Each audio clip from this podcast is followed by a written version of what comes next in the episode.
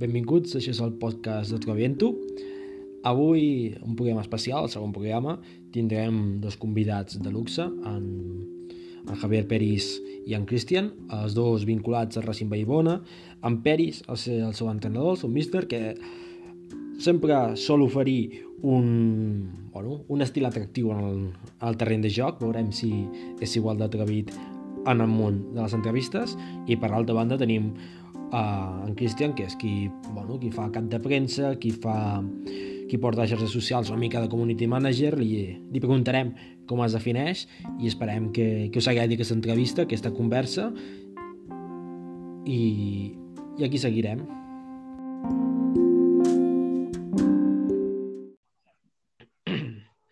Doncs, bueno, avui en el podcast d'Autoviento tenim dos convidats especials. Els primers convidats del nostre podcast són en Cristian i en Peris, del Racing Vallbona.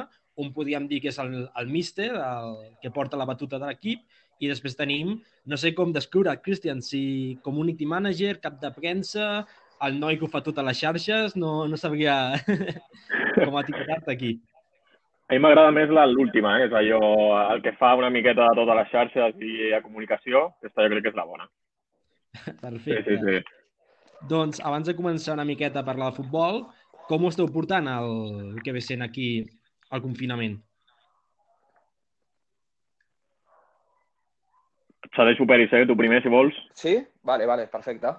Eh, doncs bé, jo a casa, treballant quan em toca anar a treballar, i, i amb els crios aquí a casa, tinc dos, dos criatures i ho estan passant malament perquè hi ha un mes sencer a casa i, i procurant entretindre'ls i fent-los activitats en la mesura del possible, però cada cop duran menys. O sigui que les activitats duran 5 minuts i, i ja les idees s'acaben. Cristian, què? Què tal? Bé, a veure, és veritat que tinc la sort de poder fer teletreball i, per tant, dins del que és una mica la rutina, tens un horari, continues fent feina i, per tant, passa una miqueta més ràpid i després, bueno, és al final una experiència, no? Et poses una mica a prova tu mateix, ja que hi ha moltes accions que durant el dia a dia normal o la rutina sempre dius que ho deixes passar perquè no tens temps, llavors ara és una mica la prova de dir, bueno, ara que tens temps, fas aquestes coses o no? Llavors, bueno, ho, ho prenem una mica així, com una mica un repte d'anar fent coses que mai fas i aprofitar, però clar, com diu Peris, al final s'està fent llarg i esperem que cada vegada quedi, quedi menys. I la situació una miqueta ara del club, com, com està ara amb el confinament? Perquè hi ha clubs que ho estan notant poder també fins i tot en l'àmbit econòmic. Com ho està veient el club ara, això del confinament? Bueno, per Bé, sort part... tenim un... Sí, sí, endavant, Cristian. No, el que t'anava a dir és que per sort tenim un club que eh, és, com, bueno, ja sabeu, un grup molt proper, que està molt vinculat amb la gent, amb el barri, i per tant aquest punt de tenir un número de jugadors, en principi no tan gran com altres entitats, i que tots siguin coneguts, permet que hi hagi una comunicació pràcticament constant. Llavors sé que el president i la direcció esportiva estan en contacte amb tots els equips, amb cada jugador. Ara últimament van fer la iniciativa de trucar als socis més grans per tal de preguntar com estaven i si necessitaven algun tema en concret. I llavors sí que és veritat que per sort excepte l'últim cas que sí que va haver un, un soci que ha perdut, o bueno, perdut la vida, ha marxat per causa d'aquest Covid, tots els altres de moment bé de salut i amb ganes de poder tornar. I Peris, sí. a nivell de, de lo que ve sent l'àmbit més tècnic, esteu fent algun tipus d'exercici que ho fan altres clubs o com esteu portant? No, nosaltres portem la comunicació una mica individual amb els jugadors.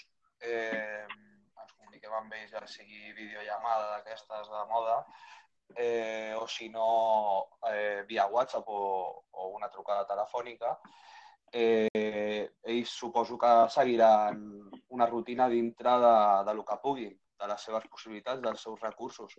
Eh, amb, amb el que és la direcció esportiva, que aquesta figura canvia l'any que ve i llavors tractem de fer-la eh, via, via president i, i jo i treballant en aquest aspecte de, per, per la temporada que ve eh, en un, vaja, suposant que, que aquesta s'acabi, que això ja en parlarem després.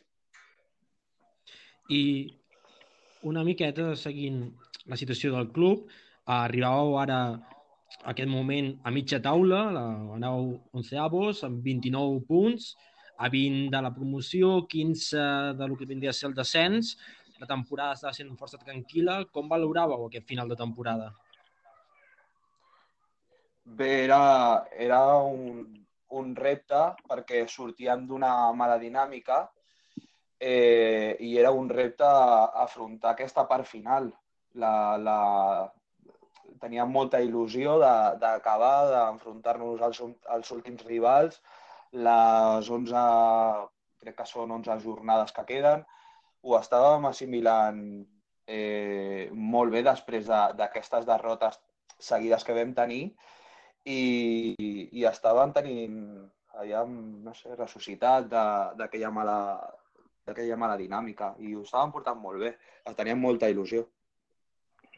Sí, a més coincidíem amb un tram, perquè com diu Peris, al final l'inici del 2020 va ser complicat, ara començava una mica a revifar l'equip i sobretot venien cinc partits que, no sé com ho veu Peris, però crec que eren claus, perquè els cinc partits que venien abans del tram final eren amb rivals més o menys directes, perquè sí que és veritat que els últims sis t'enfrontaves com pràcticament tres o quatre conjunts que estaven lluitant per l'ascens. Jo crec que ara justament arribava aquest tram de cinc partidets on realment eren bastant importants.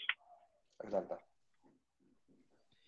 I seguint una miqueta això, la, aquesta pregunta, un, aficionat preguntava si segona catalana és el límit de, de Vallbona com a categoria o jo afegeixo, que aquí ja ho vam parlar tu i jo, Peris, en el seu moment, si, algun, si l'equip o l'entitat podia arribar a aspirar a una primera catalana en un futur pròxim.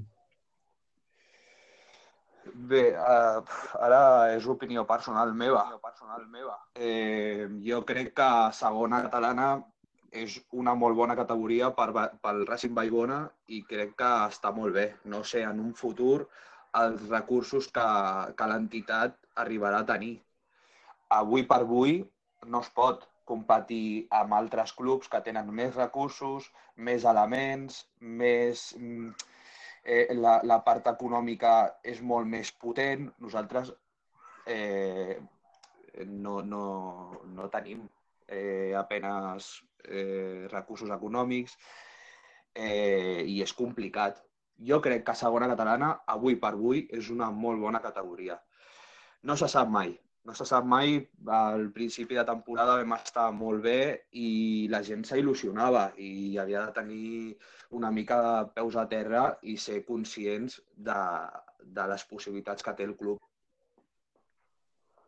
Tu, Cristian, com ho veus? Sí, coincideixo amb Pérez, inclús diria que segona catalana és una categoria per sobre del que seria normal en aquesta entitat, pel que ha mencionat, perquè al final econòmicament no hi ha recursos, la plantilla es fa a cost zero, el futbol baix ara sí que està creixent, però fins fa poc pràcticament era inexistent i tenies juvenils, que són els que han de, en principi, nodrir el primer equip que competien a segona divisió, que és, no, no deixa de ser l'última, i per tant jo crec que segona catalana, a dia d'avui, pels recursos, crec que és una categoria més que bona per aquest Racing Barbona i més tenint en compte els rivals que estàs enfrontant que és com, al final veus Baix Nou, ves allò a Europa, veus Premià, i és una mica hora manet, i veus una mica la realitat i, clar, és per estar content i a més si s'aconseguís la salvació jo crec que seria bueno, una gran notícia pel club i sobretot per la gent perquè està molt il·lusionada d'aquest repte que al final no, no deixa de ser innovador i l'única vegada en la seva història que ha passat.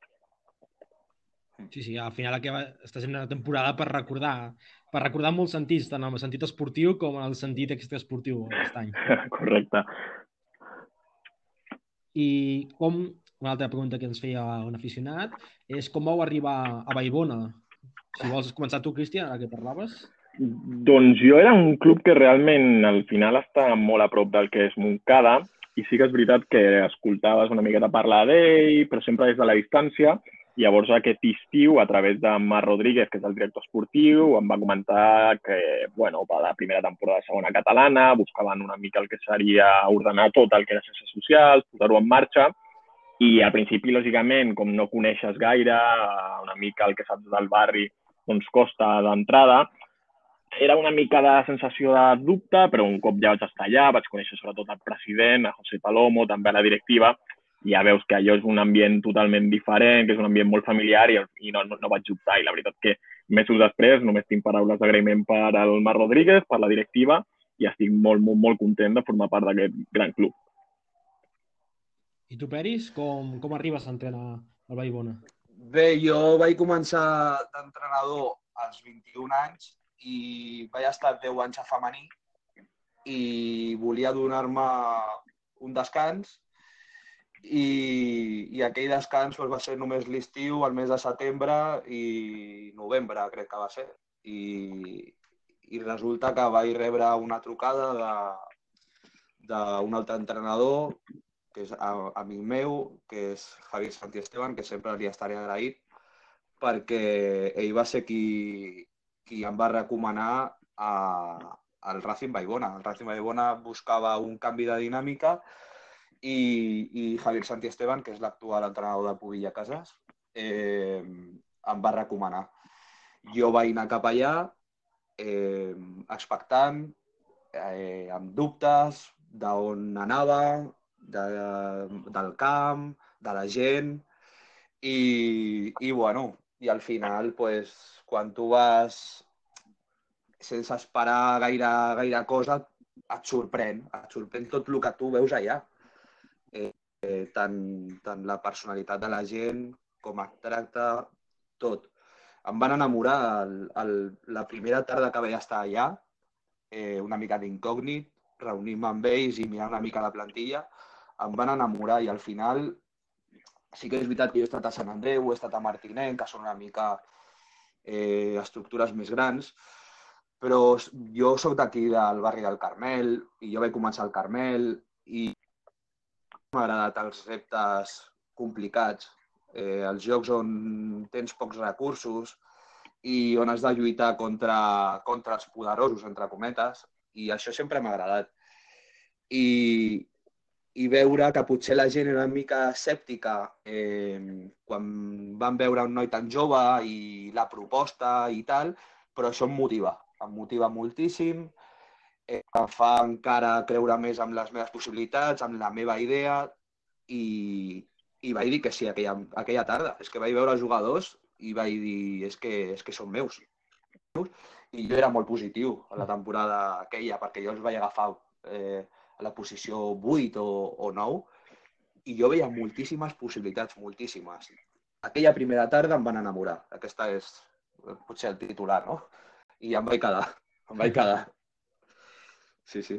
Clar, podíem, el, el Baibona, almenys quan jo vaig anar, és això, tenia la sensació que és un club que des de fora, quan arribes, ho veus des, com un club molt humil, que realment no saps el que trobaràs quan passis al mur, i un cop a dins uh, que queda destacar això, aquest ambient poder de lluita caracteritza molt el club. No sé si ho penseu així. És com una insígnia. Sí, perquè a més és el que dius, és que Peris ha donat la clau, que és el, i el que havíem dit, de que tu quan no estàs dins o estàs una mica allunyat d'aquella realitat, penses unes certes coses que potser tiren cap endarrere, dius, uf, no, no aniré aquí, o què faig aquí, o què, què faré aquí. I en canvi, quan passes aquesta, com tu dius, al mur que hi ha del camp i comences a parlar amb la gent, veus el que es fa, és quan bueno, és que és pràcticament impossible que no et sentis allò partícip d'aquella il·lusió que tenen per tot, perquè és que qualsevol, veus un partit de Benjamins i la il·lusió que hi ha perquè els nens gaudeixin és la mateixa que quan juga el primer equip i visita el camp de la Gramenet. Jo crec que aquesta il·lusió que transmet a Palomo i la directiva crec que és un dels punts que fa que estiguis un, dos, tres mesos, siguis jugador, entrenador, eh, auxiliar o comunicació, fa que sempre tinguis en el teu record una miqueta aquest barri, o sigui, Vallbona, perquè al final Racing Vallbona no deixa de ser Vallbona, el barri de nou barris on tothom està entregat a aquest equip. I crec que és una de les claus, aquesta il·lusió i aquesta passió que fan per tot.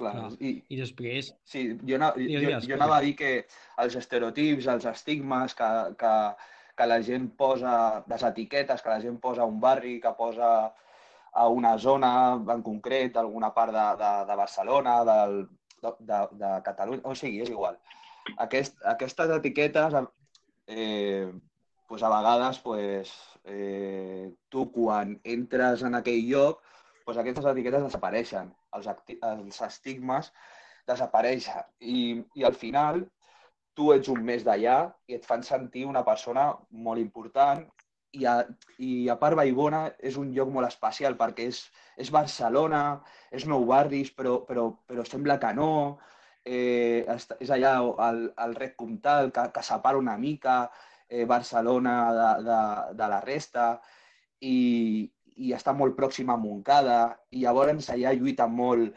És aquesta lluita, no? Tu saps que hi ha una lluita allà de... no és de barri, però sí que és de zona. I tu lluites contra Sant Juan de Montcada, lluites contra Montcada, contra Santa Maria, i tu saps que aquells són els, els que porten la batuta, els que dominen el, la zona. I tu ets el, el, que, el que té menys recursos. I tu jugues amb això i això a, a mi personalment em fa sentir, eh, no sé, venir-me a dalt i motivar-me encara més de, de poder guanyar-li aquesta gent que són els que dominen la zona. Aquest, aquest seria la meva, la meva descripció. I a més seria com una mica la clau del futur, és a dir, jo crec que la clau que dèiem abans de si segona catalana ha de ser la categoria o ha de ser primera, passarà per com pugui créixer el club a nivell de futbol base i de nois. I aquest creixement vindrà donat de que la gent comença a entendre què és Racing Baibona, comença a deixar darrere una mica el que deia Peris, els estereotips, les idees que hi havia, i comença a donar aquesta oportunitat a aquest club. La gent que ho ha fet està molt contenta i per això s'ha augmentat en els últims anys els jugadors de futbol base i a nivell de primer equip, tots els rivals, quan coincideixen amb Sasem ells, es comencen a parlar de la idea que tenien o el que recordaven de fa temps, quan el camp era de terra, i ara troben una diferència total, perquè veuen al final un equip amb una proposta futbolística de Peris que fa que al final el contacte sigui mínim i que a més moltes vegades inclús peca una mica d'ingenu, és a dir, que és tot el contrari la imatge que hi ha una mica global del que era abans aquest club. Llavors, entre tot això, jo crec que aquí estarà la clau, de que la gent comenci a conèixer realment què es fa allà, com es fa allà, amb la il·lusió que es fa, i vulgui sumar-se en aquest projecte per tal de fer-lo gran i que pugui competir, com deia Peris, amb equips de Montcada o de la zona de Barcelona, que ara per ara són més grans. Mm.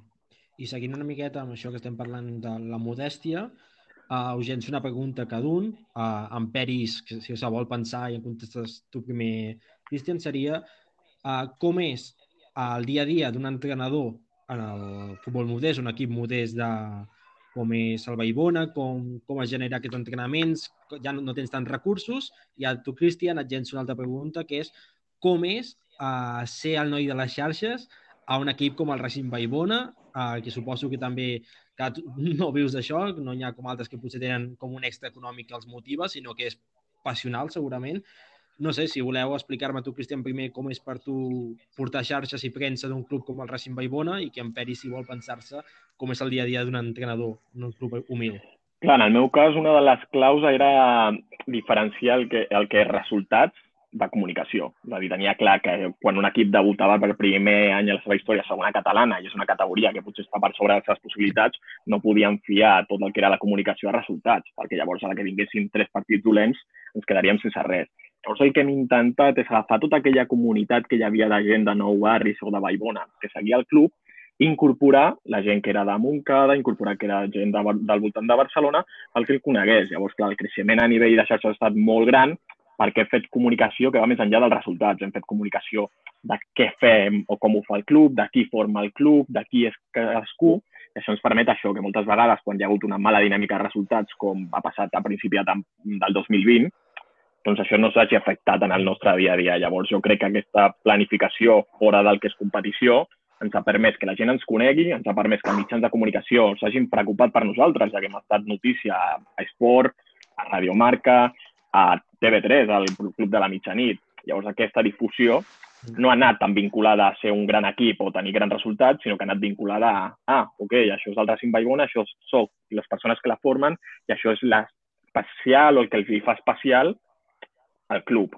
I aquesta ha estat, jo crec, una de les claus a nivell comunicatiu i que hem d'estar orgullosos per això a nivell general perquè s'està coneixent veritablement la cara que nosaltres volem que es mostri del club. I Peris, com és el teu dia a dia com a entrenador del Baibona? Bé, doncs el meu dia a dia jo és treballar la meva feina, eh, personal que jo tinc, i clar que sí, que jo estic tot el dia pensant en l'equip, estic pensant en futbol tot el dia, tot el dia, tot el dia. Eh, penso eh, setmana, de setmana en setmana, no, no, no em faig un planning així per mesos o per, o per etapes, no. Jo és setmana a setmana i me vaig treballant.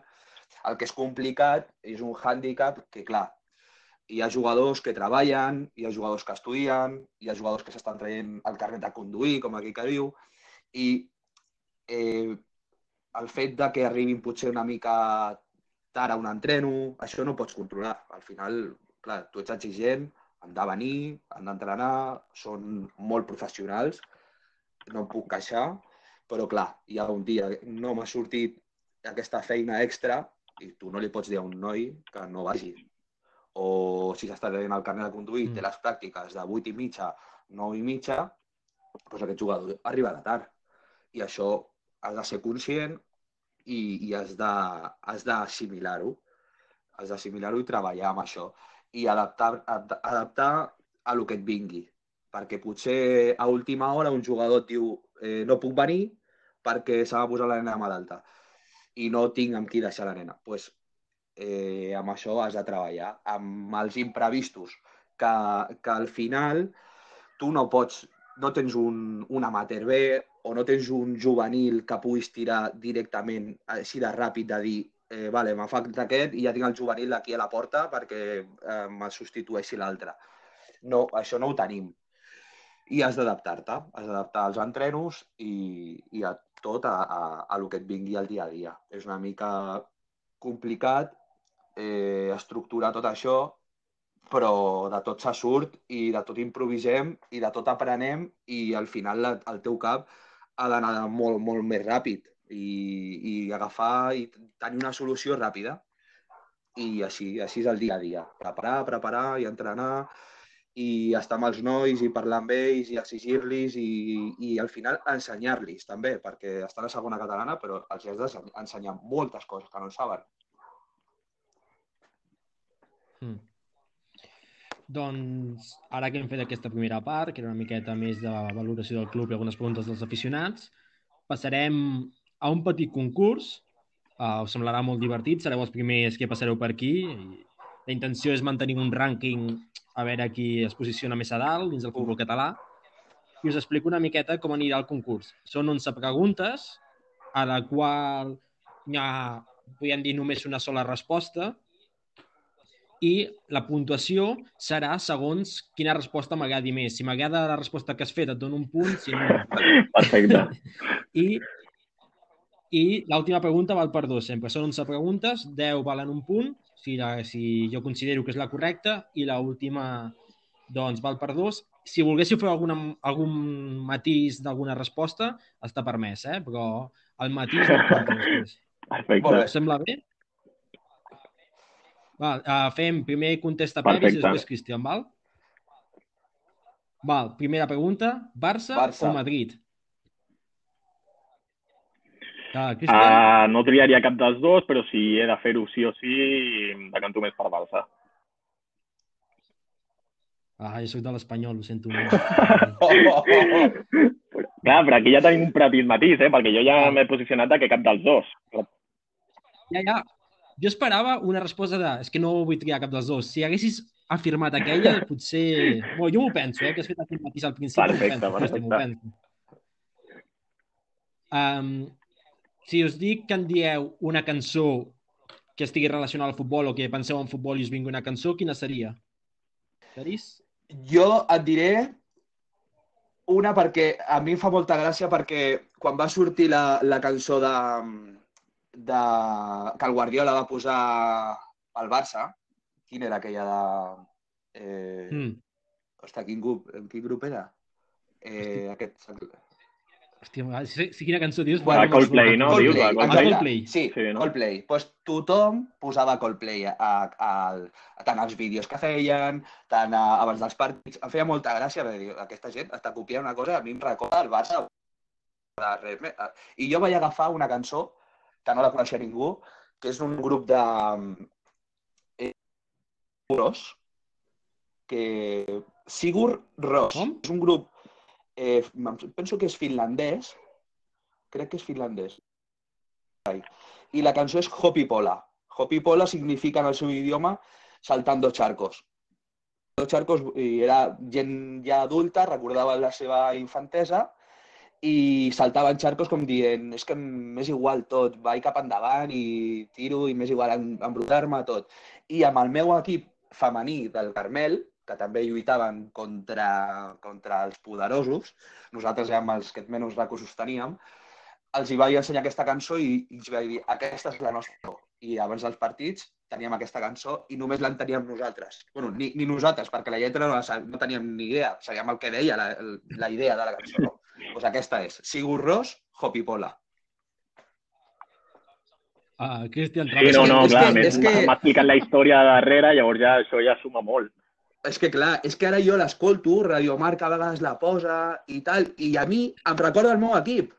Aquesta és la cosa bona. I la gent, hi ha jugadors que diu, avui ha sonat a, aquesta... I em recorda el meu equip. Aquesta, aquesta és la cosa, que et recordi el futbol.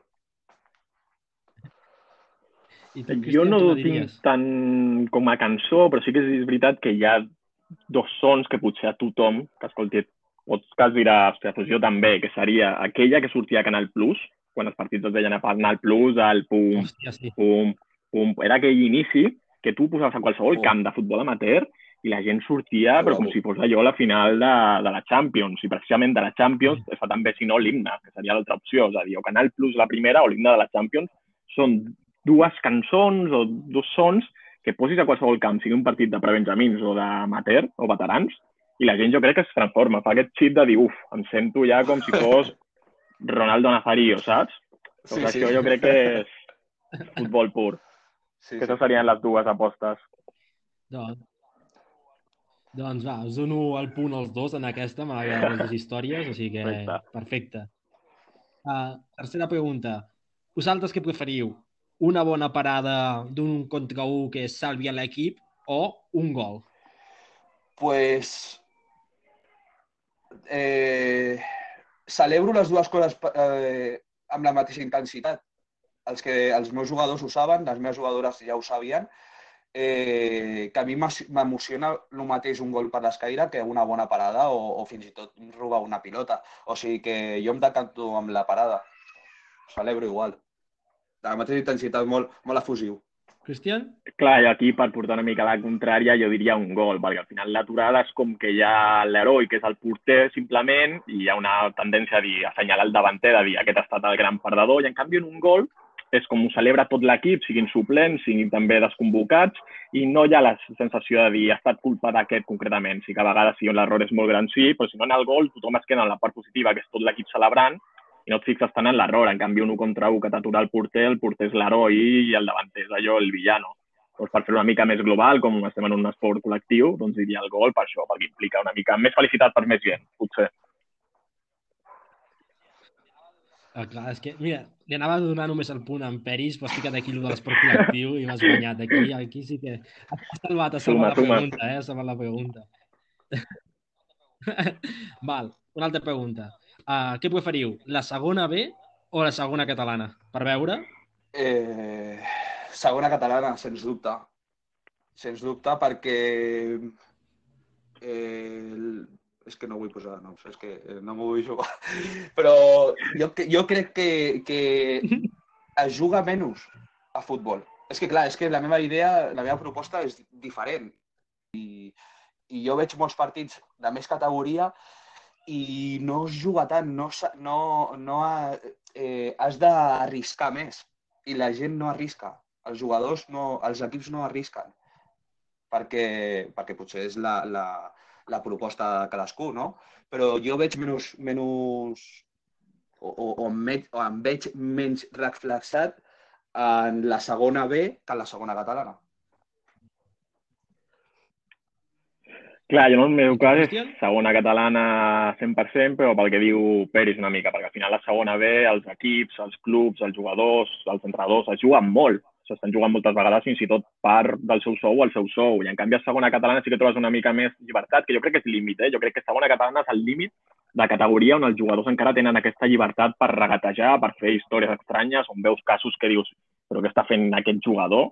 I també veus històries peculiars. És a dir, jo crec que és aquí una mica el límit. Primera catalana ja és una mica més seriós i, per tant, des de segona cap a baix jo crec que és on pots trobar realment, bueno, com tu saps, Ivan, les històries bones de futbol català, d'aquell pare que juga amb el seu fill i el seu net a la vegada, que aquest que porta 40 anys jugant i aquest jugador boig que et fa un regateja 5 i després es marca un gol en pròpia. Llavors, en aquest caos és una mica on em trobo més identificat.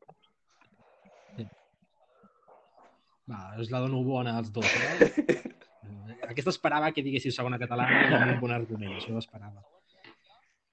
La següent pregunta, uh, a mi m'han dit que hi ha sempre una miqueta de derbi amb els equips de Sí, Montcada, tant. potser, no?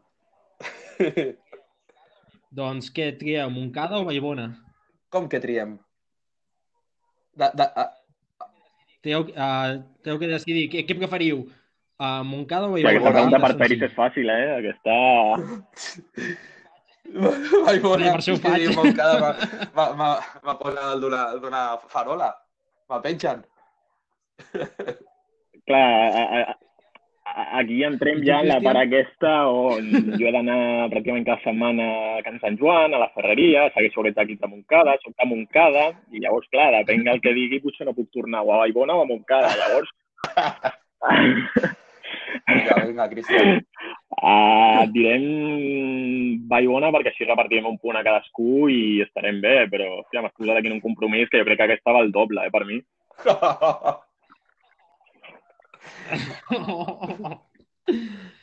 Val. Segona, segona pregunta, continuem. Um, o sigui, aquí us fico en situació. Val? Teniu que triar una de les dues situacions. Teniu dues opcions a la vostra vida, us arriben dues ofertes professionals. Um, Cristian, no sé si t'agradaria tu fer una miqueta... Sí, no, no, i tant, i tant. Si l'oferta és bona, endavant. Pues, perfecte, doncs us llenço aquí la, la, les dues ofertes. Podeu entrenar la primera oferta a un gran club però sense tenir un poder de, de decisió, si sou més una marioneta posada allà, o entrenar en total llibertat un equip de futbol modest i no viure del futbol. Què triaríeu? Jo és que m'agrada molt manar. M'agrada molt manar. I, I jo no puc estar a un lloc on, on almenys a la meva parcel·la, jo no pugui eh, prendre, prendre les decisions. Eh, a, a l'exemple de Vallbona és clau. O sigui, jo allà la decideixo jo. El que és la part final decideixo jo. Eh, I, clar, directiva pot tenir la seva opinió, però contra, contra mi, com deia Cruz, millor. clar.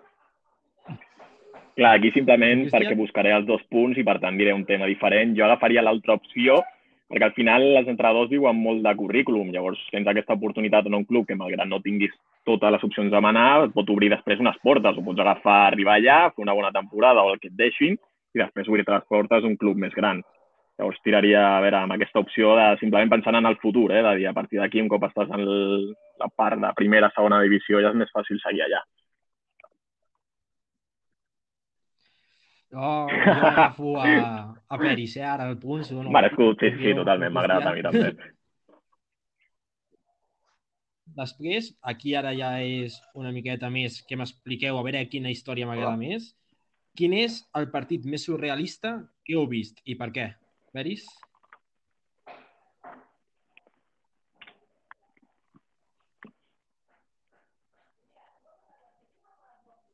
Ei, Peris, estàs allà?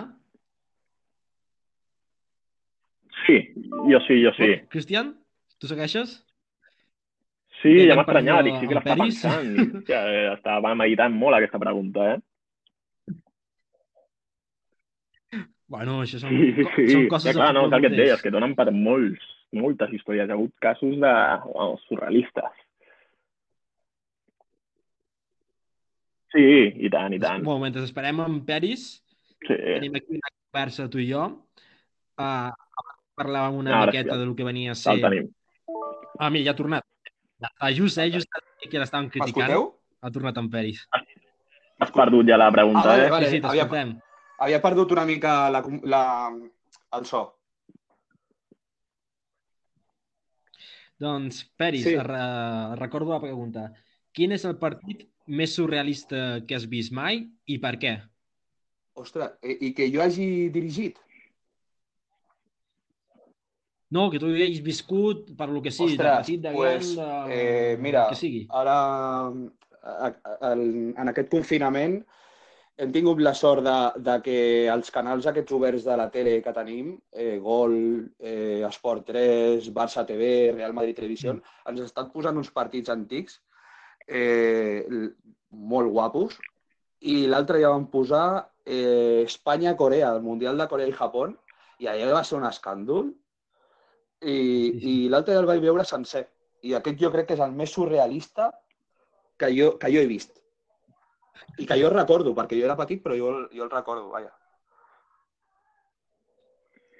Clar, jo tirant una mica així, que ara estava pensant, allò, futbol modest, me'n recordo d'un, fa dues tres temporades, que era un San Juan Atlético Montcada Andorra, en el qual arriba el San Juan Atlético en una situació complicada, lluitant per no baixar, en una primera catalana que en aquell moment doncs, li quedava una miqueta gran, i s'enfrontaven a Andorra, que està lluitant per pujar, que era abans de tenir l'última davallada i abans de que arribés, lògicament, Piqué. Llavors, el partit està marcat perquè la federació decideix tancar Can Sant Joan per aquell partit i, per tant, es juga el duel a Canyelles a porta tancada. Què passa? Si heu estat a Canyelles, és un camp on realment, per molt que tanquis el camp, estan les muntanyes al costat i la gent es pot posar. Doncs des de Camp Sant Joan van muntar una de les seves per portar, doncs, pràcticament jo crec que eren sí, 80, 90, 100 persones que van estar a la muntanya animant, per tant el partit realment era a porta tancada, però hi havia més ambient que molts que, que realment es pot entrar, i va acabar amb una victòria del San Juan Atlético per 4-0. El que dèiem, eh? un rival que estava lluitant pel descens amb una Andorra que al final pensava dir, mira, m'evito anar a Can Sant Joan, m'evito jugar davant de gent i intento sumar punts per pujar de categoria. I no, no, va acabar amb 4-0, una victòria del San Juan Atlético que li va sortir tot, amb l'ambient i la seva afició celebrant-lo fora, i al final una temporada que va acabar en salvació. Per tant, és una mica això el que et deia, històries d'aquestes que no saps ben bé com passen, però que passen i que al final la gent recorda com aquell moment de eh, te'n recordes quan vam anar a Canyelles contra l'Andorra i va guanyar? Doncs sí, sí, ho recordo i ara m'ha vingut al cap. Doncs aquí li dono el punt a, al Cristian, no sento peris, però és que amb el Sant Juan anant a jugar a Canyelles Correcte. contra l'Andorra, és que Ja, ja. això és, això és una història a explicar. Ja, ja m'informaré més, ja algun dia tindré que fer un Ja et dic, article sobre molt bé, aquesta història és molt bona. La idea aquesta. I després, següent pregunta, ja arribem al final del concurs. Um, quin és el millor gol que heu vist mai i per què? Uf, Uh, Peris? eh, el millor gol. Uh, em pilles desprevingut, eh? eh... Vinga, va, ja, ja el tinc. Eh... Era... El meu equip era el camp femení i era el camp del Martinenc contra el totpoderós Martinenc i nosaltres el Carmelo.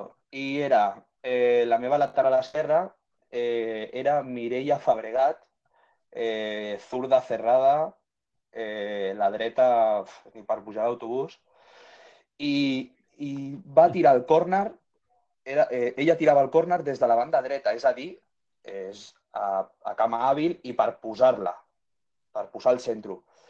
I agafa i li fot d'exterior i la fot a l'escaire contrària. Camp del Martinenc. Va ser un, un molt bon gol.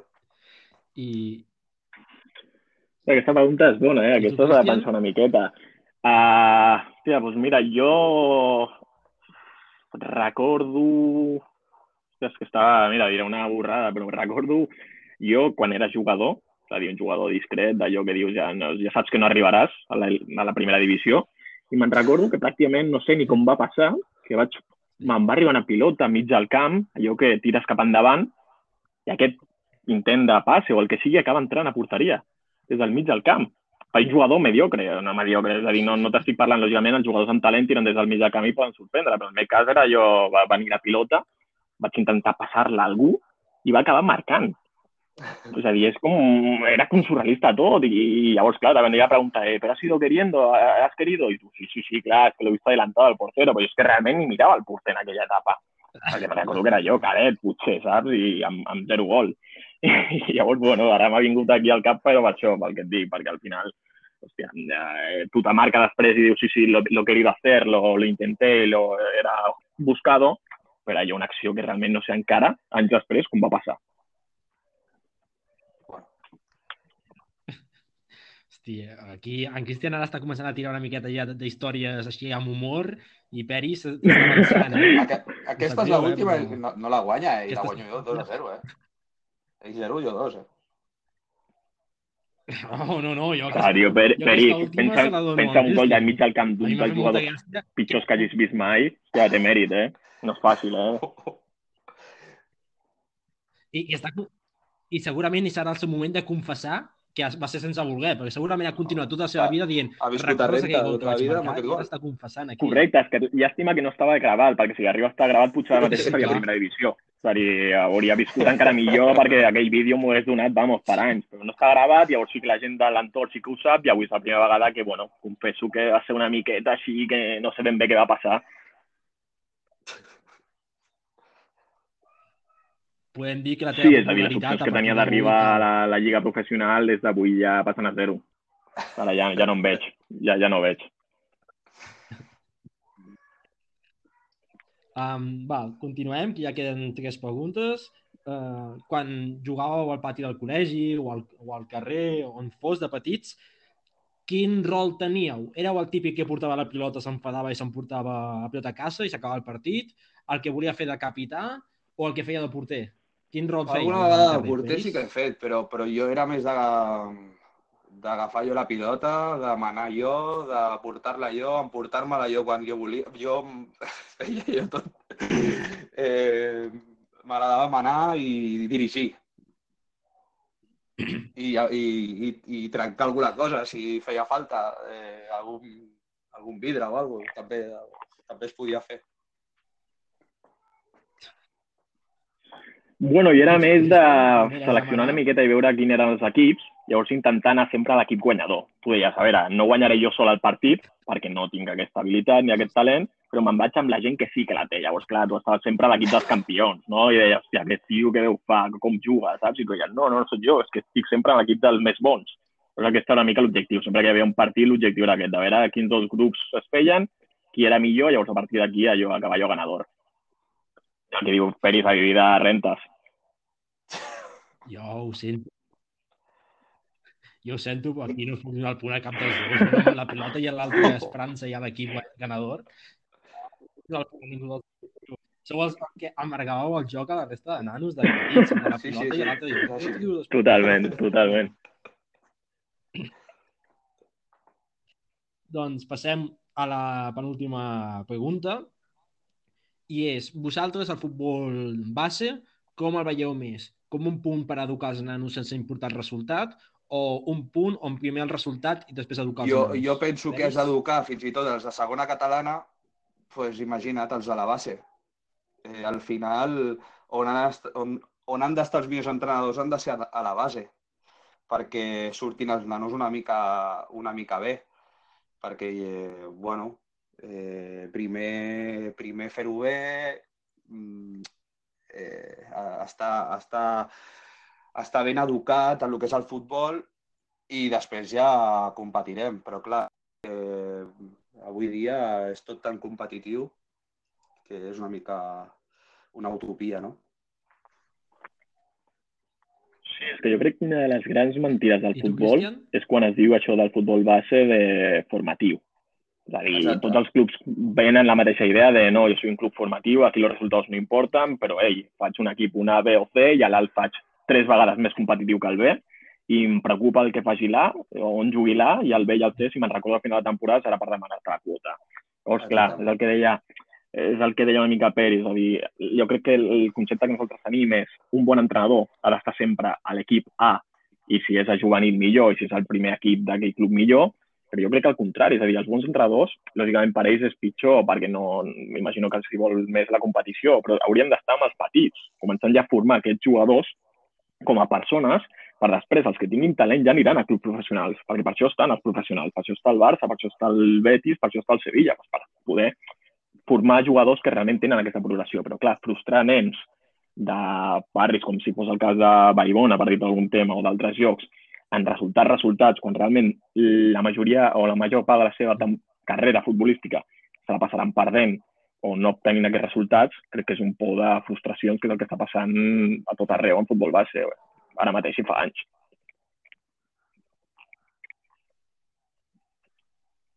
Val. Aquí es tinc que donar el punt als dos, així que arribem a l'última pregunta. Recordem que aquesta última pregunta val per dos. Us dic com va el marcador.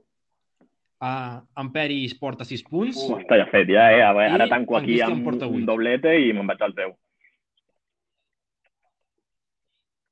Ja. aquí, aquí és on, on vaig Vale. anar. Aquí només donaré dos punts a un dels dos. O sigui que aquí en Peris pot empatar o el Cristian pot fer aquí la manita Perfecte. i humillar una miqueta. Val? Us llenço la pregunta. Uh, crec que aquesta pregunta ficarem més compromís en Cristian un altre cop, però bueno. Eh, quina relació o com valoreu la relació que hi ha entre el món del periodisme i el futbol modest i el futbol Doncs català? la relació, Peris? jo, eh, el que m'he trobat, perquè està clar que, que quan jo estava començant no tenia apenas relació ni em venien a veure periodistes ni a preguntar-me res. El que jo he viscut ara recentment, eh, que m'he trobat amb, amb tu, amb el Cristian, amb el de Ràdio Marca, eh, el, el periòdico, tal.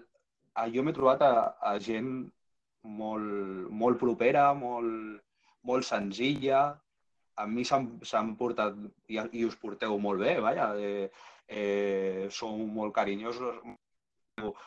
Eh, estona que estic parlant i, i sé que sóc molt pesat i estic molt, molta estona contestant una pregunta, però, però amb tota amabilitat i sobretot, com vaig dir l'altre dia, tot eh, això és bàsic, tenir il·lusió i, i moltes ganes i sentir-se proper a la gent. I això és el que jo sento de, dels, dels que m'he trobat fins ara. Clar, que aquí jo trobo elements positius i negatius. És a dir, a nivell... Si compares amb futbol professional, crec que repetim errors, com pot ser, per exemple, que hi ha un poc corporativisme entre mitjans, crec que hi ha guerres, com passa, lògicament, a futbol professional amb diaris com Marca, Mundo Deportivo, Sport, i cadascú fa la seva guerra. Crec que aquí també a futbol català no s'ha trobat mai una, uh, un, un acord amb uns mitjans que puguin formar part d'algun tema més global, sinó sempre que hi havia la lluita doncs, fa uns anys, ara que ningú s'enfadi, però entre Golcat i Regional Futbol, entre Golcat i Futbol Catalunya, ha hagut, sempre hi ha hagut aquesta repetició de les guerres que ja passen en futbol professional i també és veritat que m'he trobat també que repeteix a vegades molts egos. És a dir, mas, mas, molta gent sí que és molt humil, però d'altres vegades et trobes gent que dius, ja estem parlant de primera, segona catalana, i que té egos d'entrenadors o de jugadors com si fos professional. Això seria una mica la part negativa que es replica del futbol professional. La part positiva és el que et deia, hi ha el tracte que és excel·lent, contactes a qualsevol i el 90% està disponible sempre que tu vols, i a més allà trobes històries, que és el que et deia, al final l'excusa del futbol és l'excusa per conèixer Javier Peris com a persona, o per conèixer Peris, la seva experiència, la seva vida i el que ha fet, i per conèixer qualsevol persona més enllà del que dic del seu càrrec en el futbol modest, que no deixa de ser una part molt petita del seu dia a dia.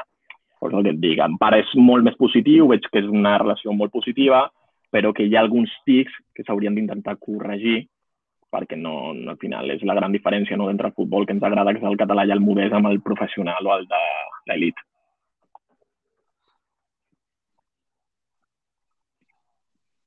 Doncs amb això uh, us dic uh, el guanyador perquè ho sento Peris, però al final aquesta resposta se la tinc que donar en Cristian, m'ha agradat la part crítica, així que els dos punts van per en Cristian i deixem un, un, un No, no, no, molt bé, de a 6 a veure. 10. No està malament. Felicidades, Cristian. Habrà, Ara és quan ve el regal. Uh, Ara és quan ve el regal, a veure què he guanyat, eh? a veure, a veure, això ho hauré de pensar, hauré de pensar a quin premi donem, però a veure com va avançant aquest confinament i les entrevistes i a veure qui- qui es va col·locant més amunt. De moment, aquesta primera, aquest primer Perfecte, concurs, doncs, un eh, tu orgull, la la classificació.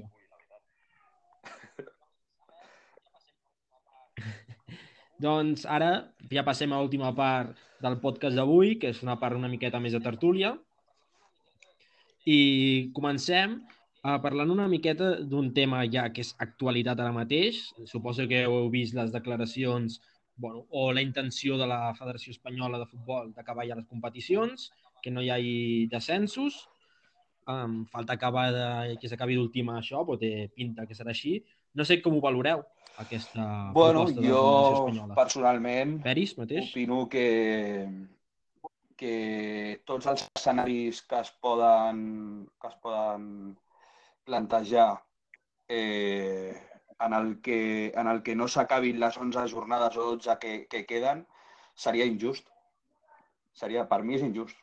Eh, s'han de jugar les 11 jornades, s'han de fer eh, els play-off d'ascens, eh, totes aquestes coses. On s'han plantejat eh, acabar ja la Tu, Cristian, com...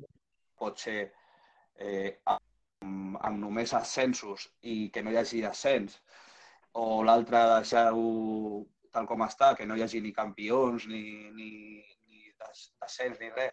Tots aquests escenaris, per mi, eh, no es poden, no es poden, vaja, per mi és injust. S'han de jugar totes les jornades. I mira que jo estic a una posició còmoda, allà al mig, que ni em va ni em ve, però jo, eh, per un tema de justícia, jo crec que haurien d'haver ascensos, descensos i els seus play-offs i tal, i jugar-ho i, i ja està. Sí, jo coincideixo, és a dir, crec que la decisió que ara mateix m'està sonant o s'està dient, crec que és una decisió que el que fa és intentar que tothom o el màxim volum de clubs estiguin contents perquè el que fa és evites descens, i per tant aquests equips estan contents amb aquesta decisió. Els equips de la mitja taula no et diran res perquè ni fu ni fa en principi, i els del playoff tenen aquesta opció de jugar-se el títol. Llavors, clar, és, entenc que per com a organització, com a federació, és el més còmode, però sí que és veritat que el que fas és hipotecar la propera temporada, amb molts més equips a segona B, amb una tercera molt més complicada, i llavors jo crec que la decisió més lògica seria el que diu Peris, és a dir, estem en una situació ara mateix social complicada, ei, doncs anem a fer que la temporada vinent comenci quan hagi de començar i que aquesta poder acabar-la quan toqui. És a dir, si s'ha de començar a acabar aquesta temporada a l'agost, que, doncs, que s'acabi a l'agost, però amb tothom amb garanties, tothom amb, sabent que pot jugar tranquil·lament amb el seu públic i quan tot hagi passat. Llavors, un cop així, doncs, si ha de començar la 2020-2021 al desembre, que comenci, saps? Però sense hipotecar el que et dic, perquè crec que aquesta decisió és la que fa menys mm, soroll als clubs, però que a la postre serà més complicat per la 2020-2021 per l'acumulació de clubs que hi haurà a segona B, a tercera, i després si s'aplica a primera, segona catalana igual, perquè clar, al final només puja, ningú baixa, i es forma una 2020-21 que serà eterna. És que eh, la federació, la federació diu clar. de fer un referèndum ja, ja i que els clubs opinin i clar, i tu no pots deixar... Aquí no s'ha d'opinar res. La federació s'ha de mullar i ha de decidir, perquè ells són els, els que dominen eh, aquesta parcel·la, són els que dirigeixen i són els que manen.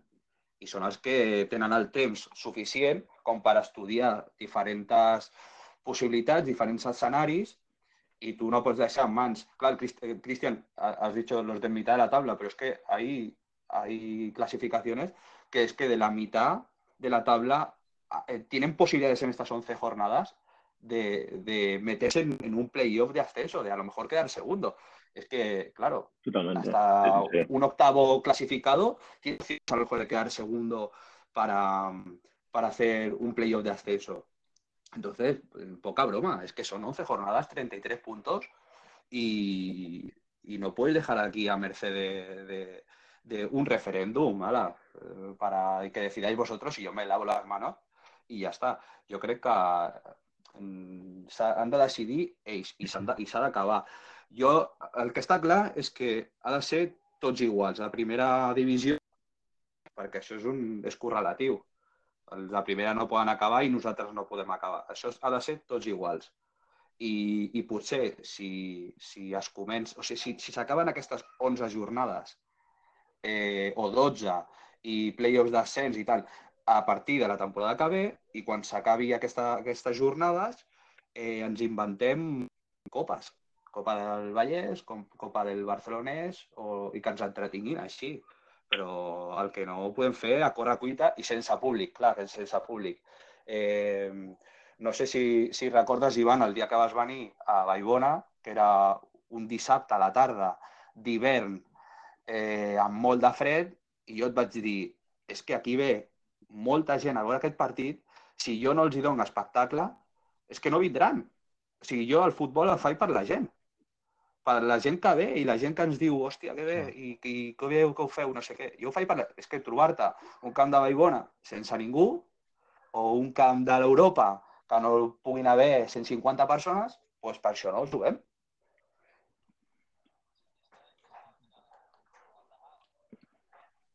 Ah, és que aquesta és l'altre punt del debat. Juguem amb gent, juguem sense gent, clar, jo també crec que el futbol perd molt sense afició, i més el futbol Exacte. català que és tan pròxim i la gent... Clar, i a més al final, que dèiem, per futbolistes, és a dir, l'altre dia parlàvem amb dos futbolistes. de segona B que havien tingut la reunió amb, amb AFE, que és allò, la, la, el grup o la representació dels futbolistes. Llavors, clar, ells exposaven diferents mm, com, bueno, idees de la decisió aquesta. Clar, aquesta decisió el primer que provoca és que el play-off ja no sigui com sempre ha estat el play-off, anada i tornada, i les tres fases. És a dir, que al final és un punt que tot jugador que l'ha jugat ho recorda sempre, dir, no, es que me desplacé a Castilla y La Mancha y tengo el recuerdo de las 20 horas de autocar. Llavors, clar, això ja li estàs traient al futbolista, li estàs traient també el que dèiem al públic, segurament. Mm. I també li estàs traient, que és un tema que em comentaven i que és veritat que moltes vegades no pensem, és a dir, hi ha jugadors a segona B, per exemple, que o el seu sou surt d'aquí del futbol o surt de, com a jugador i entrenador. Llavors, clar, que la, que la competició no segueixi per molts equips que estan ara mateix a zona mitja o zona de descens, implica que ell aquests mesos no els cobren. Doncs clar, jo puc tenir una previsió d'haver dit, hòstia, doncs jo amb el diner que guanyi el 2020 perquè competiré de gener fins al juny, el dedicaré a pagar-me, jo què sé, el pis, el lloguer, o em dedicaré a pagar-me els estudis. Clar, tu ara mateix li estàs dient a aquest jugador des de la federació de dir, no, no, si tu no estàs en playoff, no vas a jugar más y por tanto este club no tiene por qué pagarte dos meses, el mes que quedan ara, que seria pues, abril, maig i juny.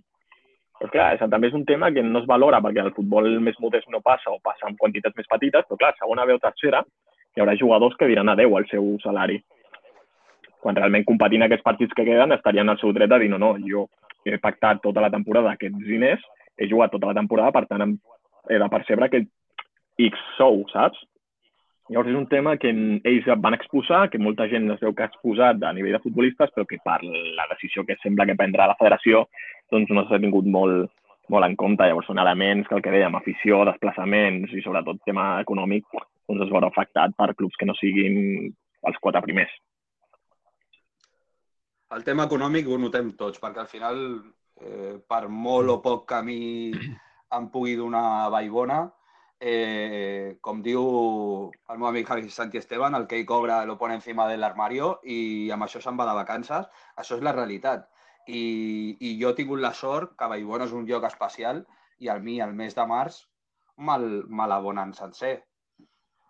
I, però no sabem els altres mesos però m'ha vingut a referir que és una, una, una ajuda molt important al cap del, de, quan s'acaba el mes, que vingui, tinguin un detall amb tu. O sigui que, que aquesta part es nota, l'econòmica.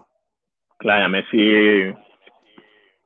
futbol base també. No, el futbol base Clar, també, que si entrem sí. més avall, al final la gent estarà Digues, en digues, condicions de demanar als clubs que no tornin la, o que tornin la part de quota que els han cobrat o directament no pagar aquells mesos i això pel club suposa un problema perquè tu has tingut un pressupost o has fet un pressupost en relació al que pots guanyar en futbol base i amb aquests diners que ara mateix es queda totalment trencat i sabem que moltes vegades els clubs no és allò que siguin molt curosos i que tampoc siguin molt estalviadors. I en alguns casos pot portar la ruïna directament per això, perquè molts volen viure més enllà del que poden i en aquest cas significarà Sí. pèrdues importants. Llavors, clar, implica també una sèrie de connotacions, el no jugar aquests 10-11 partits, que caldrà valorar molt bé i que, clar, no, no sé fins a quin punt serà positiu per moltes entitats, persones i el que dèiem, auxiliars, entrenadors, futbolistes, el que sigui. Sí, sí. Clar, supo suposo que tot això al final afectarà alguns clubs del futbol català bastant fort i podem trobar-nos un mapa del futbol català de cara a la temporada que ve una mica diferent, tant a nivell econòmic fins i tot d'estructura, de veure com estructurem els equips, com ho fem ara amb els jugadors, perquè pot haver-hi jugadors que, que marxin a altres equips per motius del que sigui. És I a les persones, perquè, la de, perquè si tu ara de- mateix, per exemple, continues el que dèiem, esperes que passi tot i el juliol, agost, comences la tem- bueno, acabes aquesta temporada, la gent al final ja ha pagat la mútua, ja ha pagat el servei de la Federació Catalana, ha pagat la fitxa, ha pagat tot i pot competir-la, però si tu ara li demanes que en qüestió d'un mes o dos comença una nova temporada i han de renovar o han de pagar la mútua, han de fer els diferents serveis, moltes famílies ara mateix tindran problemes econòmics perquè ve una crisi econòmica després de tot això. Llavors, clar, jo crec que el que dèiem, començar una nova temporada implicarà això també, de que moltes famílies, en contextes més complicats, no puguin fer front a una nova despesa que suposi això, l'haver de tornar a inscriure, per molt que sigui amb descomptes, el fer una mútua o el fer una fitxa. Llavors jo crec que el poder continuar aquesta temporada permetria això, uns mesos, on més enllà de no tenir la pressió aquesta de s'ha de jugar, s'ha de jugar, la gent també podria mantenir el que ha pagat fins ara o el que ja havia abonat i jugar aquests mesos fins que torni una miqueta tot a la normalitat, malgrat que no serà fàcil.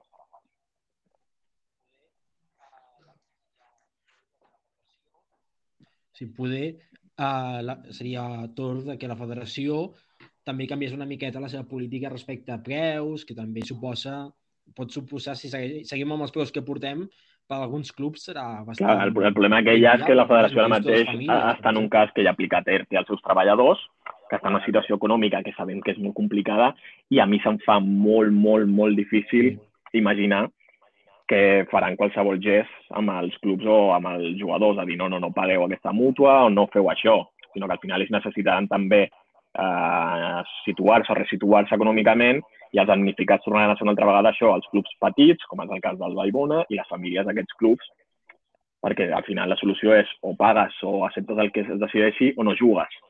No hi ha una altra opció aquí, al final la competició que hi ha és aquesta.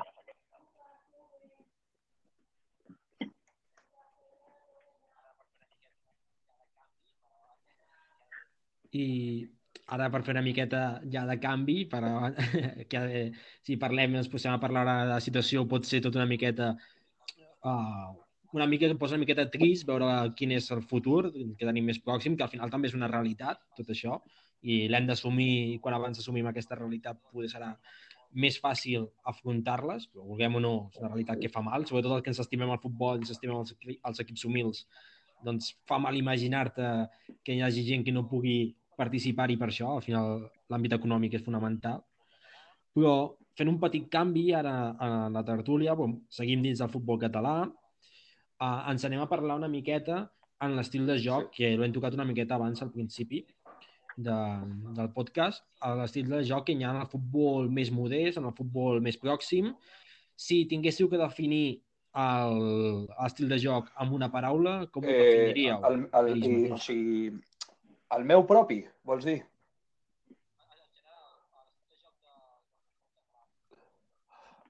I, a, il·lusió. a l'estil de joc de, del futbol català. Del il·lusió perquè els jugadors van, a, van entrenar a hores i intempestives a, a les tates i, i segueixen tenint la, aquesta il·lusió.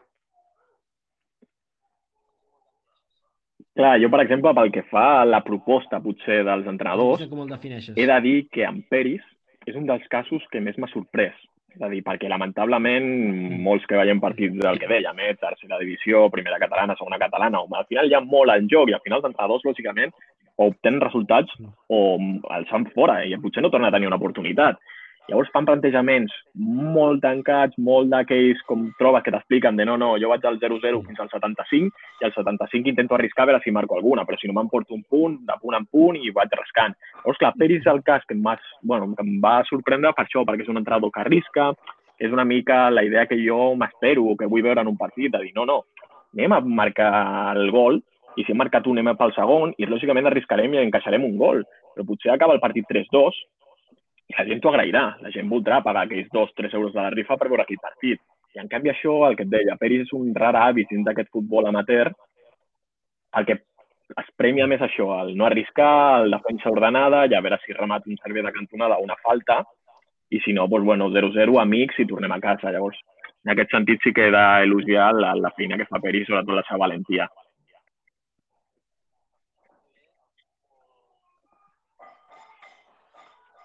Clar, al final poder el futbol català és un futbol bastant, bastant directe, sí, eh, del que, pelotazo clar, per arriba i vinga, final, a rematar moltes pilotes. Eh, la possessió de pilota la té el 30% un equip, l'altre equip té l'altre 30% i la resta la té l'aire. I, i, I clar, i a mi no m'agrada. Eh, és una opinió personal, o sigui que cadascú jo, dir-me llibre, jo no vull canviar res ni vull anar a primera catalana i dir-los que no juguin així. Jo, vaja, i el que passa és que jo faig el que jo crec i el que jo sento i, i és potser arriscar més de la compta, ser una mica temerari, no sé si quan sigui, quan maduri una mica, perquè soc molt jove, potser eh, canvio, però no crec, perquè és que si jo vaig allà tres dies d'enteno a les tantes i un dia de partit, allà està allà tots els dies, doncs vull passar-m'ho bé. I al final és que... Eh, és que per, per, què, per, què, per què els equips eh, es queden a, a darrere i no volen la pilota? Per què, no, per, per què ho fan això? Per, ho sabeu o no?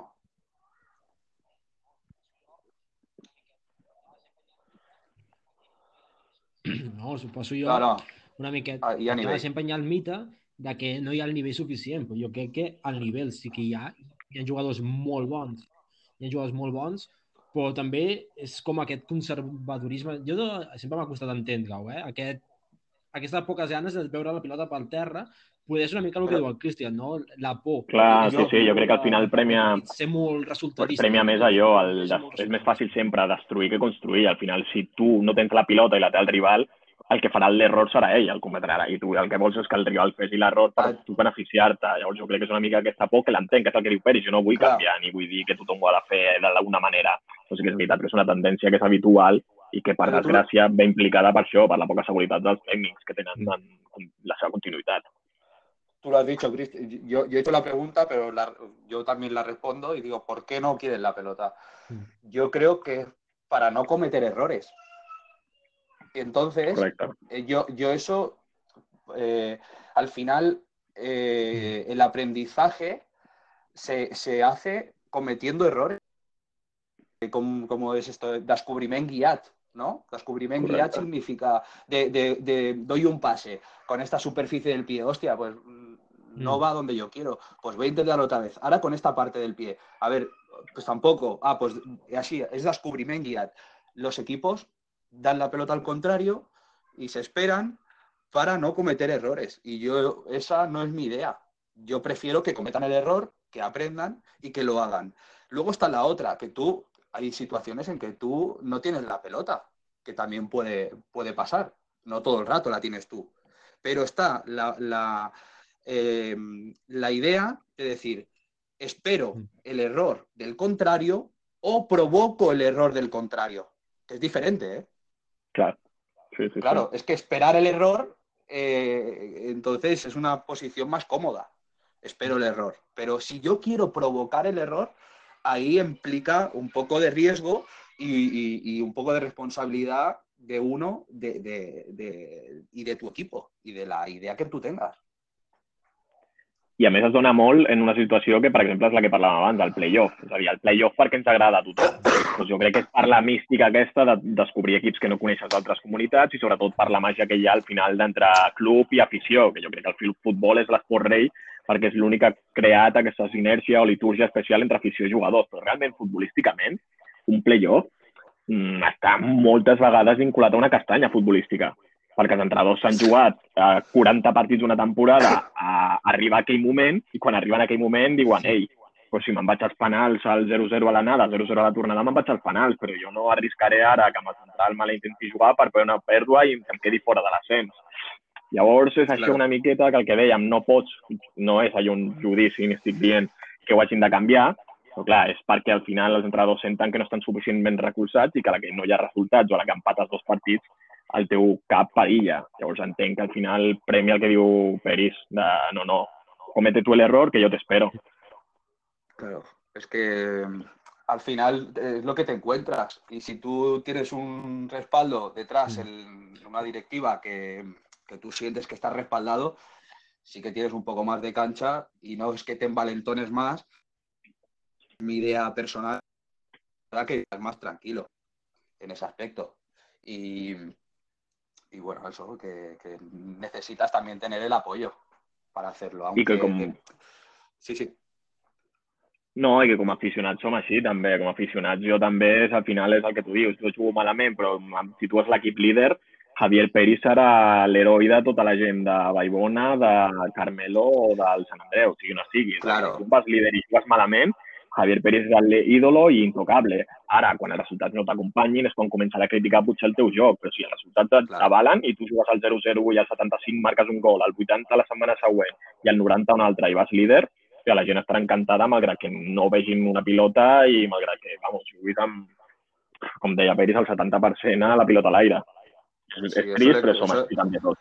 Eso le comenté a Iván eh, personalmente, que no creo que se moleste en, en, desvelar lo que voy a decir, pero le dije, joder, en la, ter en la tercera jornada nos enfrentamos en mi campo y tú venías de una mala dinámica de tres, de, de, dos, tres jornadas y nos enfrentamos y te gano, y yo parecía Johan Cruyff y tú parecías eh, malísimo y ahora han cambiado las tornas y, y, ahora parece que tú sabes muy bueno y es que al final son dinámicas y, y la gente, claro, quiere ganar y, y se identifica y, sigue al que gana en el momento que, que, estamos.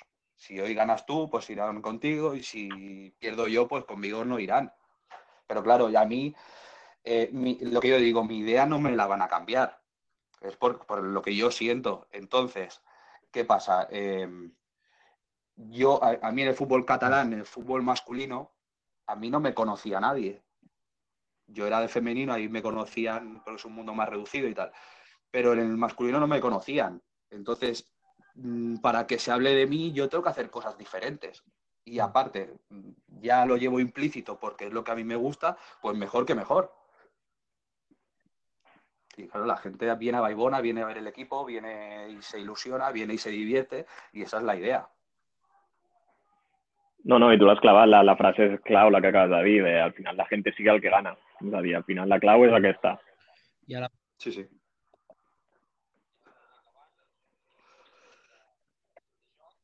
Mm.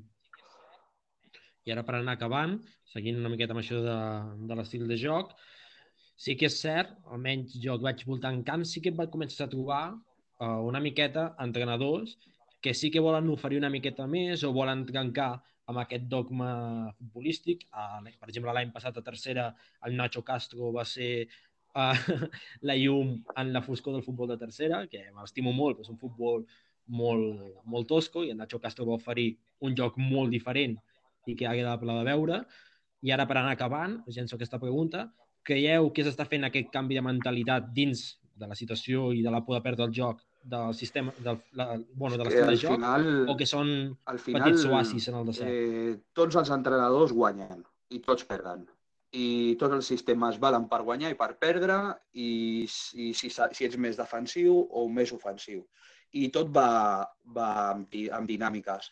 Quan, quan va explotar el tema Guardiola, tothom volia fer Guardiola, Després haver una època que Van Gaal amb Holanda va posar de moda els cinc, els cinc defenses darrere amb els carrilers i, i ha continuat aquesta, una mica, aquesta dinàmica. Ara està Bordalàs, que està de moda i, i, i la gent copia el que guanya. I, clar, eh, el, que, el que compta és que tu tinguis una idea mm. i la mantinguis i tingui el mateix valor per tu en la derrota, en la victòria, en les males èpoques i en les bones. El, ara està de moda ficar un altre cop cinc darrere. Doncs, pues, bueno, eh, s'haurà de contrarrestar això. El que està clar és que si els dos ens posem a 5 metres de la meva porteria a defensar, eh, eh, hi ha un tros de camp que no s'ocupa, que és el del mig. I, i algú ha de tenir una mica d'atreviment. No sé. La dinàmica aquesta eh, potser ha de canviar. Els entrenadors ara s'estan formant molt, molt més i s'ha de ser valent. Clar, jo, jo, jo aquest és un tema que a vegades he pensat i el que veig és que on més s'arrisca és en clubs petits o en categories menors o menys importants. El cas, el que tu has dit, l'Horta. L'Horta és un bon exemple. Al final és un club que dins de tercera divisió és potser el Raravis també, perquè no té aquesta pressió d'haver d'aconseguir el resultat, tampoc té aquest pressupost, però també és cert que, per exemple, aquesta temporada, quan vaig estar al Feliu Codina i van perdre, que queda contra les Figueres, ja, la gent ja començava a criticar a Castro. Clar, l'any passat era l'any boníssim, es situen en playoff i el que deia Peris, és el cavall guanyador, ho va jugar molt bé, ja perfecte, però clar, quan comences a tenir errades, que el teu central falla, el teu migcampista falla, clar, la gent també s'acostuma al que és guanyar i quan no guanya és el que et diu, pues ja no m'agrada tant que t'arrisquis tant. Però en aquest sentit jo crec que els clubs petits, el cas d'Horta, com pot ser també Baibona, clubs que al final no tenen recursos per fitxar jugadors, un dels seus grans potencials per aconseguir aquests bons futbolistes és la proposta de joc. És a dir, Peris ha aconseguit aquest any que hi hagi jugadors de molt talent, que han sortit de, que, bueno, de, de, de futbol base d'Adam, Cornellà, Sant Andreu, i que estan aquí no per diners, perquè no cobren, i estan aquí perquè realment veuen que és l'únic lloc on poden gaudir de jugar al futbol com ho havien fet al futbol base. Llavors, clar, també per entrenadors, com el cas de Peris, és un reclam, com deia ell, perquè et vingui a buscar un equip gran.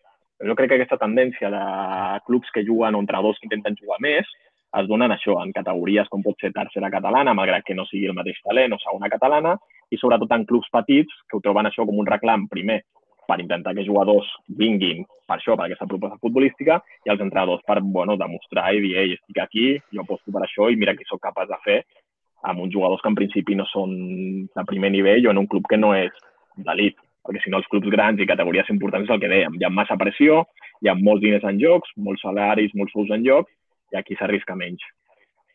Però, bueno, és una jo teoria. Recordo, jo, jo recordo quan, quan vaig fitxar per Baibona, perquè jo en el futbol femení porta, he portat, per exemple, el juvenil del Sangre de, de noies i tècnicament eren boníssimes, molt bones, i, i home, els meus equips doncs, han jugat doncs, més o menys bé i hem tractat de, de fer-ho bé i, i ser atractius, ¿no? Y em deien, eh, a ver si te piensas que, que tú vas a venir aquí a Tercera Catalana y, y vas a empezar a tocar la pelota. Aquesta era una frase que em deien els meus entrenadors, o sigui, amics entrenadors. A ver que te, si te piensas tú que, porque aquí no se juega fútbol. En tercera catalana no se puede, no se hace estas cosas.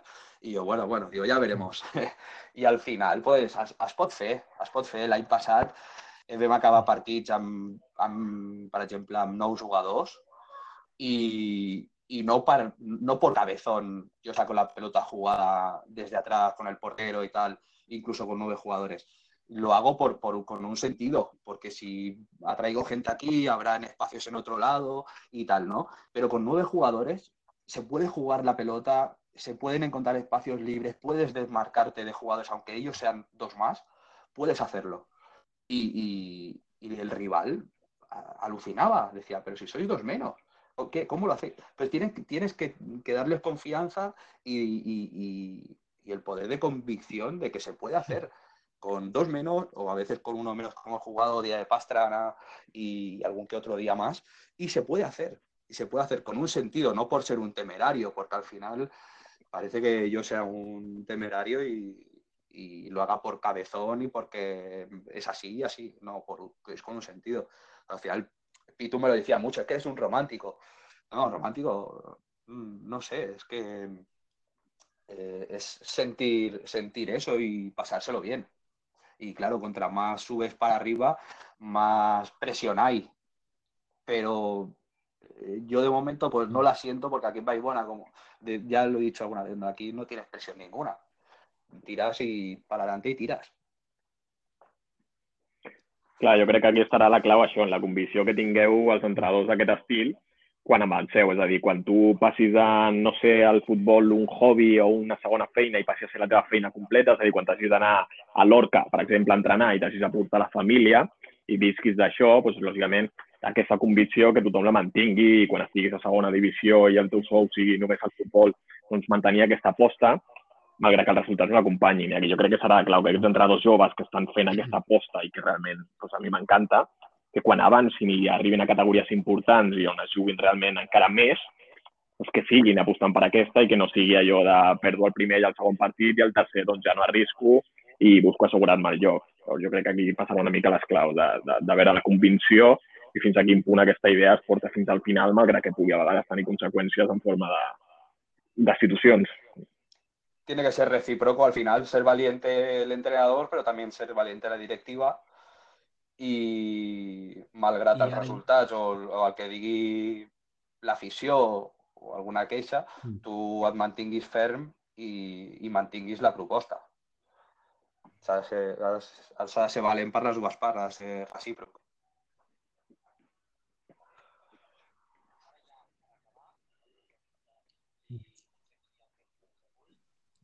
Totalment. Doncs ara ja per acabar, l'última pregunta i fins aquí el podcast d'avui.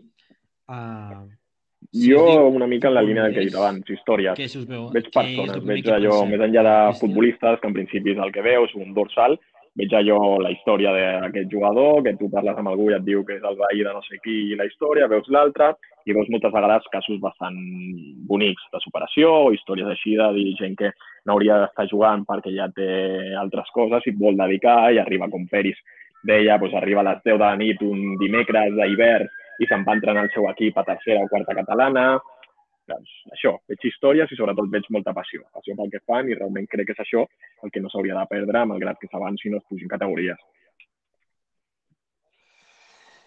Jo, eh, el dia que vam guanyar la Lliga, m'ho van preguntar també el, el noi que ens va fer el reportatge i així de manera, de manera ràpida jo vaig definir-ho com, i la gent diu, hòstia, tienes razón i tal, i, i els hi fa gràcia, no? Vaig dir que, que es podia resumir, jo lo resumia con asado improvisado. I això vol dir que, que si és veritat, allà al futbol modest, i per exemple, jo el que visc a, a Baigona, l'asado improvisado vol dir que, per exemple, un dijous, un dimarts o un dijous després d'un entrenament, eh, el Pilones, que és a, el que porta el bar, però també és directiu, allà fa tothom de tot. I a Pilones et fa, et fa una mica de llenya, la posa, posa al foc i et fa un tros de carn i són les 11 de la nit d'un dimarts o un dijous i estàs allà. I estàs allà després de l'entrenament, menjant, eh, un tros de carn, la mar de gust, i, i aquesta manera de ser tan, tan proper del futbol modest que fa que tu continuïs. Jo recordo el primer dia que vaig anar, el que dèiem abans, a l'entrevista aquesta, el primer dia a Baigona, a entrevistar-me que m'havien cridat, i, de, i dir, hòstia, des del Carmel fins allà, eh, fins a arribar a la ronda, ronda de dalt, sortir allà a la Trinitat, ui, esto es tan poco, joder, cada dia hacer este viaje y luego la vuelta y tal. Hòstia, però vas a, arribes allà i durant tota la temporada jo quan vaig acabar i dic és que no s'ha fet passat ningú viatge d'aquests. Ningú viatge. Per què? Perquè et fan sentir proper, et fan sentir eh, tenir aquesta il·lusió. No sé, eh, potser contra més categoria és, menys proper és tot, no? I llavors el futbol modest és, és aquesta, aquesta, que no està, aquesta llunyania no existeix. No ets, no ets un mes, no ets un, allà una fitxa més com un jugador, que és una fitxa més, o és un entrenador mm. més, no. Et fan sentir molt, molt partícip de tot el que és l'entitat, el club.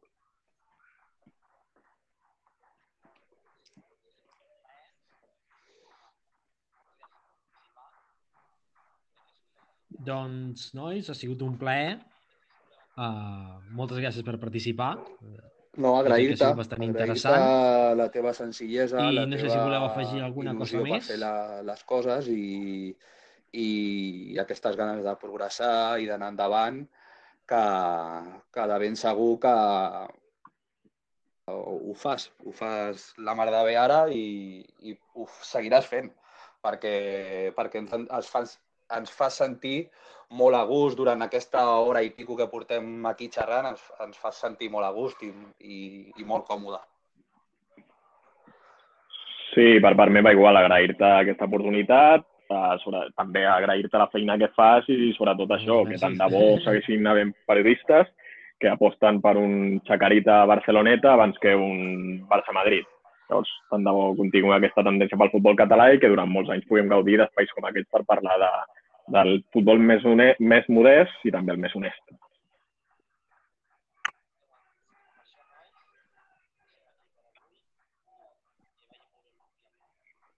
Gràcies. Doncs amb això, nois, ho deixem aquí per avui.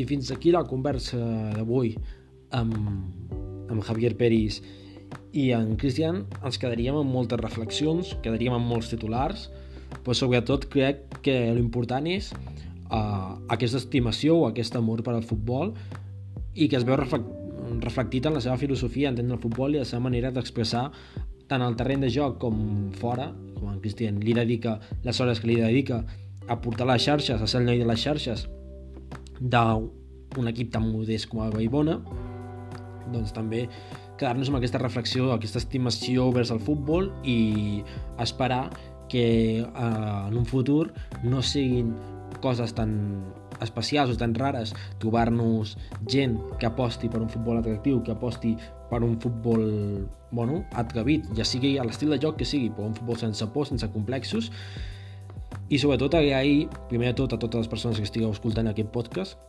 per la dedicació i, i després agrair tant en Peris com en Cristian haver participat i esperem que en un futur, quan tornem a parlar, parlem d'un Vallbona que continua sent doncs esperem que no sigui en un futur un, un oasi a mig del desert, sinó que sigui un més d'aquells equips que són atrevits, que busquen gaudir del futbol, perquè al final aquí estem per gaudir del futbol. Així que moltes gràcies per haver-nos escoltat i ens veiem la setmana que ve.